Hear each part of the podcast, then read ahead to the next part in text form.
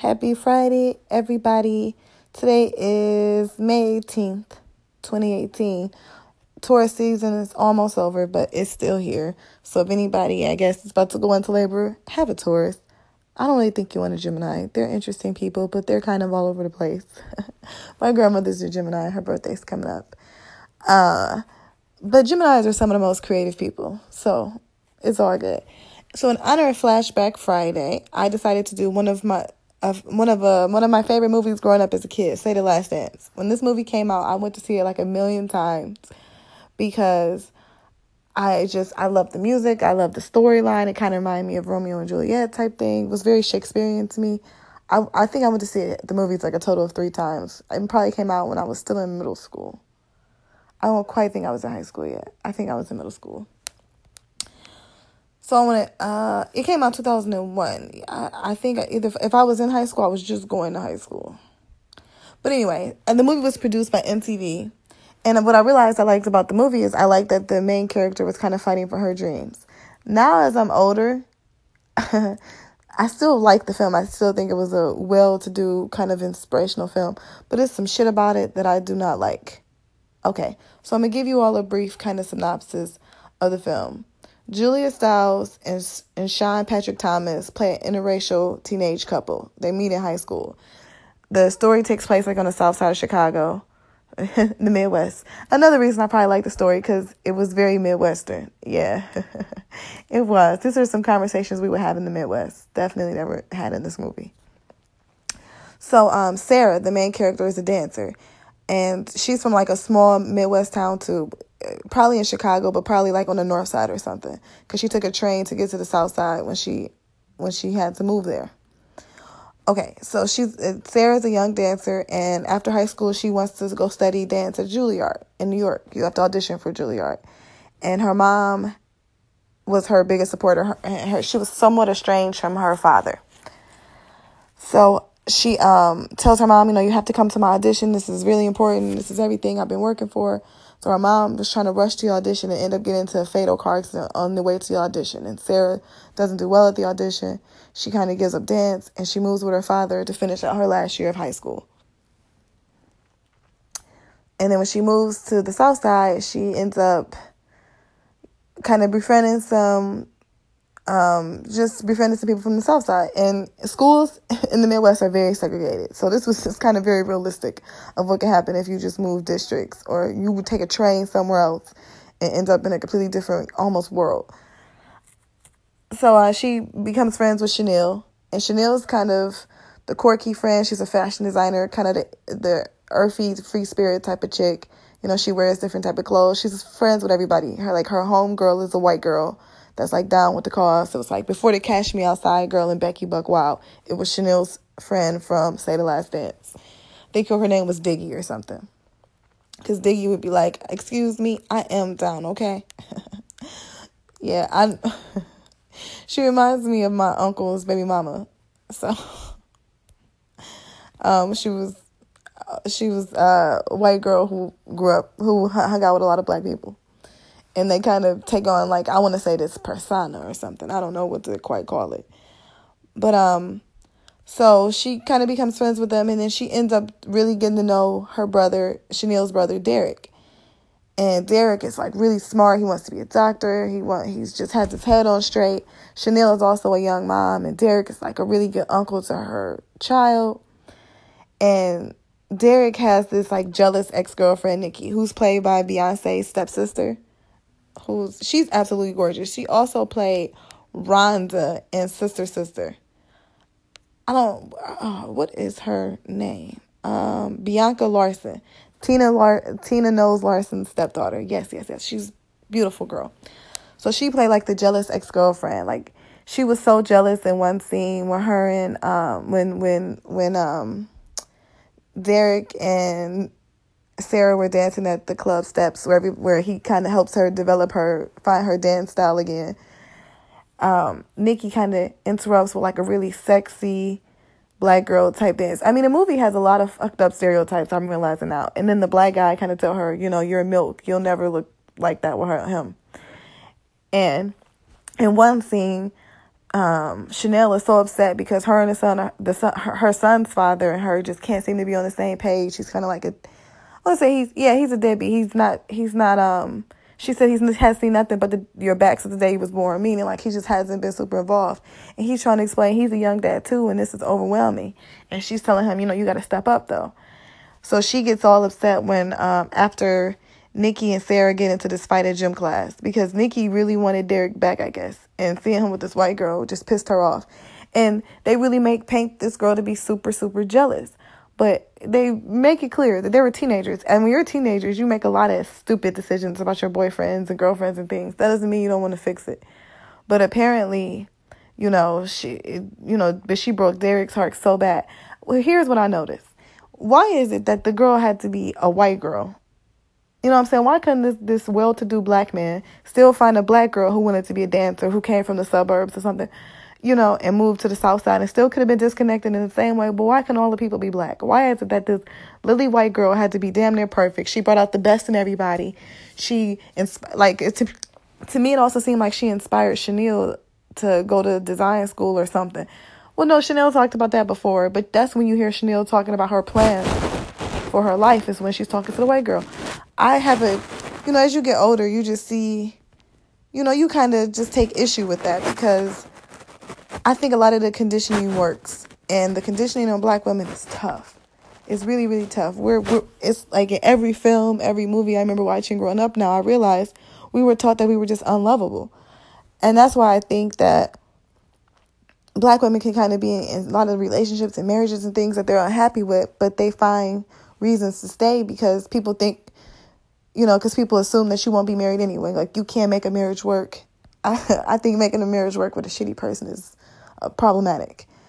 But um, I, I see like where a lot of those mindsets come from because here this white girl comes who's just everything about her is perfect. Everything about her is lovable. Everything she's so supportive. She's so understanding about all of Derek's dreams and ambition, and she doesn't talk mean to him, and she only defended herself against the black girl, and you know, and then when when Chanel gets upset with her because her and her baby dad gets into like this another fight about his parenting and just being around.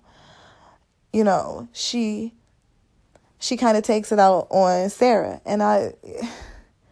And then she kind of even apologized to her. She was, you know, this is the most famous scene. They're in, they were at the, like the free clinic, and she was like, you know, I gotta watch, make sure the woman put your name on the list. You trifling bitch.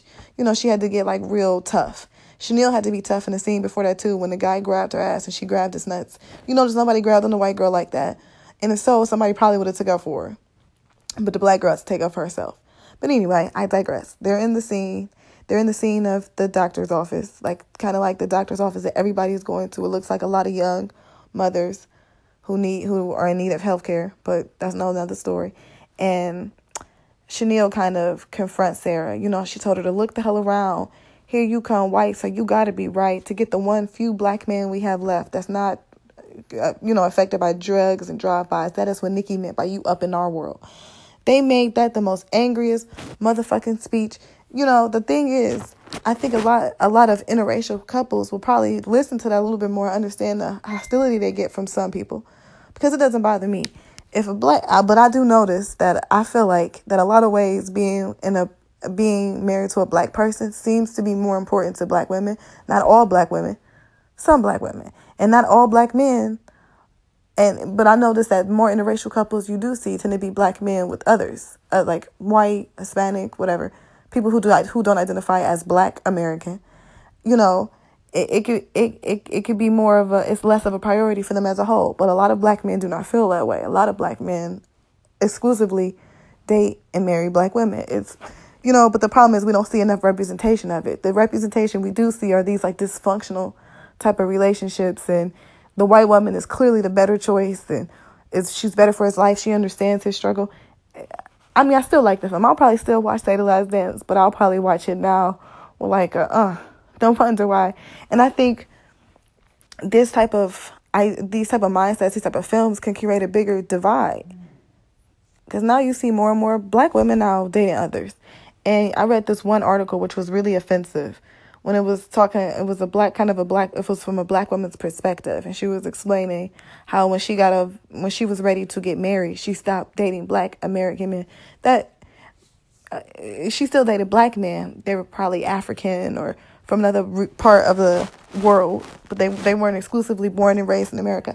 I find that to be extremely offensive. There are a lot of american born black men who grew up here grew up in cleveland detroit baltimore new york wherever and will marry black women with no problem. Marry black women from the same city or from different cities, but from America. You know, it, it gets really. I, but I, I think that I don't think that discredits her perspective, but to generalize and to say, I, it, it's tough. It's tough. It, I think it was a generalization of black love, and that's you know that could be problematic for some people. But films like the MTV films, like Save The Last Dance, don't are they didn't help the situation. That's just my personal opinion. They did not help. They helped create this narrative that um, white girls are better for you. They're they're more loving, they're more understanding, they're more fragile, they're more feminine, they're more vulnerable, you know.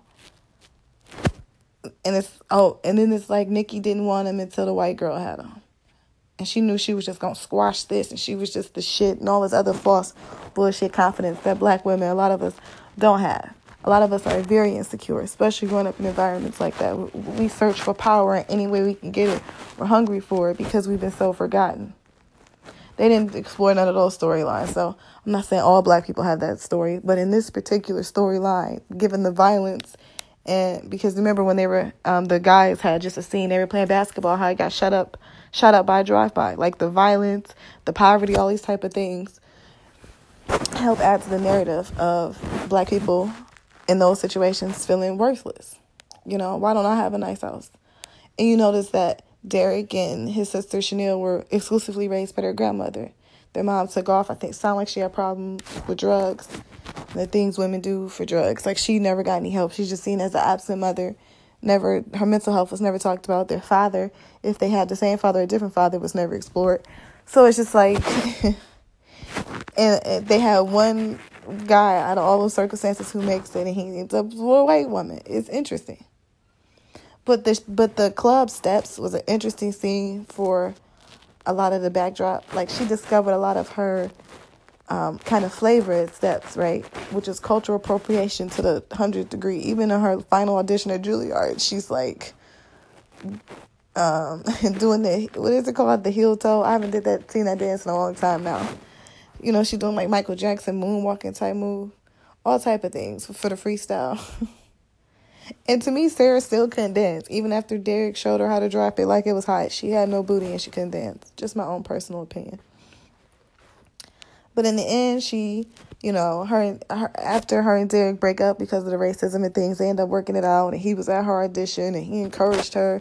He brought out the best in her because at first she wasn't ready to dance, but she did. And unofficially off the book, she got into Juilliard. And if their love got both of them through it, like, you know, if he hadn't showed up when he did, like her mom couldn't make it, but he showed up and gave her the confidence she needed. Like they were both just there for each other in the best way. Yeah, I find this story to be somewhat problematic. You know. And Julia Stiles played on a lot of interracial couples, which I, you know, I, but I think, if I'm not mistaken, she's like a Republican. I mean, I think I was watching MTV's diary or something you think you know but you have no idea and she went voting and i think she said she voted republican. She's like a country girl at heart. Mm. so but she played in othello and oh um the shakespeare remake of othello and she played an interracial couple and got the black guy killed. I think she's telling stories that need to be told though. Like you know some of that shit's dangerous. But i think with this new emergence of like wokeness and when people wanted to return to wakanda a fictional place in africa and not actually understanding a lot of things about Killmonger, the so called villain, whatever, another episode, that a lot more black men are realizing the value of black women because I gotta agree with Snoop Dogg. Kanye West probably went crazy because he don't have any strong black women around him. Saying, what is you doing, nephew? you know, the things you're saying aren't making any sense. Instead, he's around people like, oh, try it. Why not? See, yeah, get the publicity. We need, we can always use it. That's what our platform is made off of. Doesn't matter it doesn't matter if this goes against which who who you said you were, what you stood for. You know, the okay, you know, it's interesting. But um, I remember in the film Higher Learning, Tyra Banks' character said, "No, um, Omar Epps asked when he saw a guy on campus, does that make you mad as a black woman when you see him with that white girl?"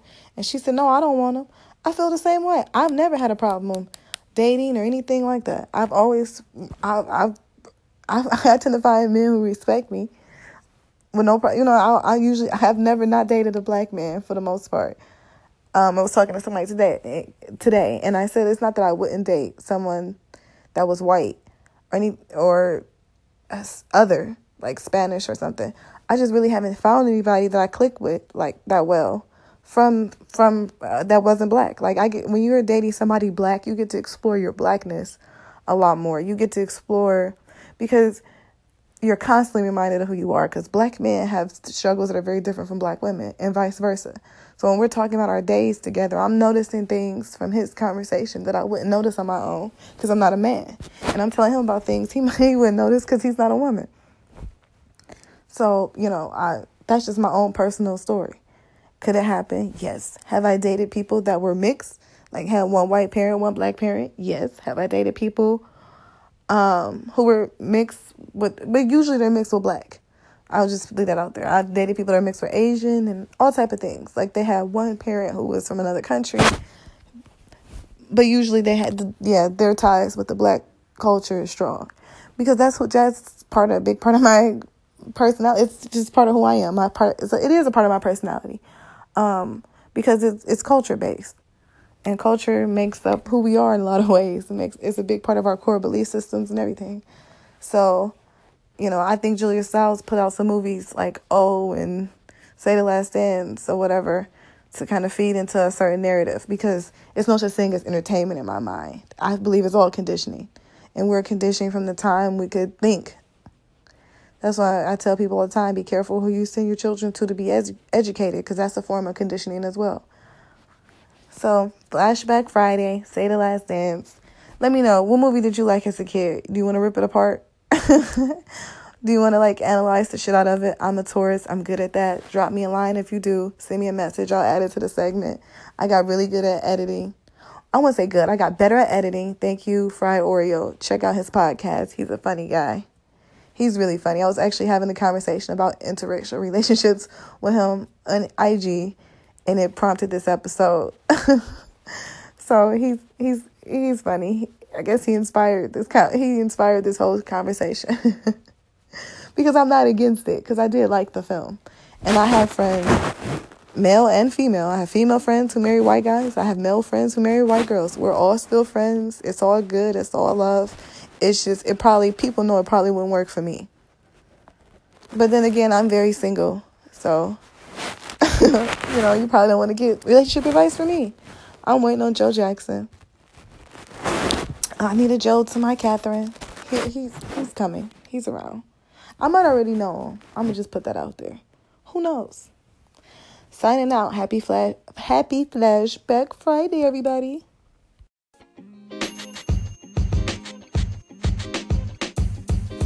Podcast you just heard was recorded with Anchor. If you want to make your own, download the Android or iOS app completely free from anchor.fm slash podcast. That's anchor.fm slash podcast.